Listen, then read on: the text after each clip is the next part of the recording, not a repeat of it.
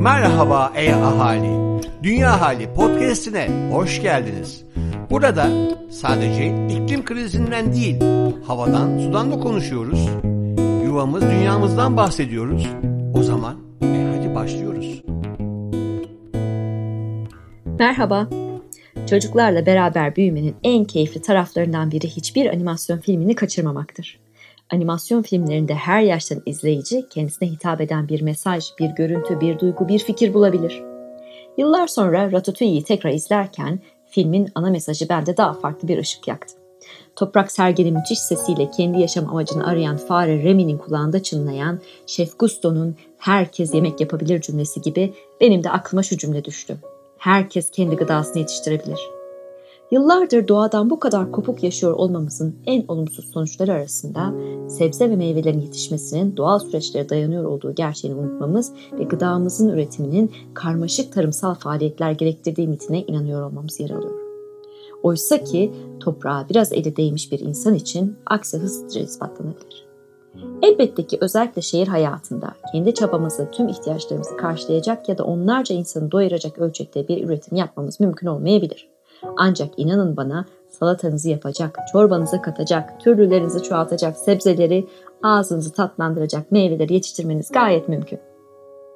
Kendi gıdamızı yetiştirmekteki en büyük gayelerimiz nereden geldiğini, nasıl büyüdüğünü, nelerle beslenip nelerle zehirlenmediğini bildiğiniz gıdalarla bedenimizi beslemektir endüstriyel tarımda ilaç adı altında kullanılan zehirlerin insan vücuduna belirgin şekilde alındığı, artan kullanımla beraber idrarda saptanma oranlarının ve düzeylerinin de yıllar içerisinde arttığı gösterilmiştir.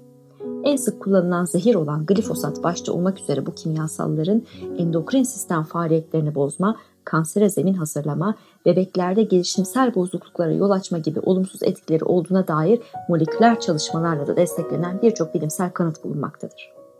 Paketlenmiş halde aldığımız gıda ürünlerinin ambalajlarından kaynaklanan geri dönüştürülemeyen maddeler, zehirli gazlar, kimyasallar ya da mikroplastik olarak hayatımıza geri dönmektedir. Gıdaların üretiminden soframıza ulaşana kadar geçen süre içinde işleme, paketleme, transport ve saklama gibi süreçlerde ortaya çıkan önemli büyüklükteki karbon ayak izini ise çoğu zaman pek hesaba katmıyoruz. Doğanın döngüleriyle senkronize olarak kendi gıdamızı yetiştirmeye başlamak için harika bir mevsimdeyiz. O zaman size gelin bir reçete yazayım. Bu sefer reçetede bir doz istek, bol heyecan ve sahip olabildiğiniz kadar toprak var. İster küçük bir saksı, ister büyük bir bahçe. Sizi üzmeyecek sebzelerle de başlayabilirsiniz ya da heyecanın dozunu arttırmak ve öğrenme eğrinizi hızlandırmak için bol çeşit ile de. Başlamak için özellikle tohum peşinde koşmanız bile gerekmez. Yer elması kabukları, filizlenmiş bir patates, bir arpacık soğanı, bir dal nane ya da kavrulmamış ayçiçeği çekirdeklerini ekerek zamanı geldiğinde tazecik sebzeleri hasat etmeyi beklemeye başlayabilirsiniz. Unutmadan söyleyeyim. Ayçiçeği filizlerinin henüz iki yapraklı halleri çok besleyici mikrofilizler olarak tüketilebilir. Maydanoz, reyhan, marul, domates ve biber biraz emek ve ilgiyle masanıza her gün bir tabak salata olarak dönebilir. İç Anadolu kışına bile direnen bir çalı bitkisine sahip olan frambuaz, kokusu ve tadıyla sizi mest edebilir.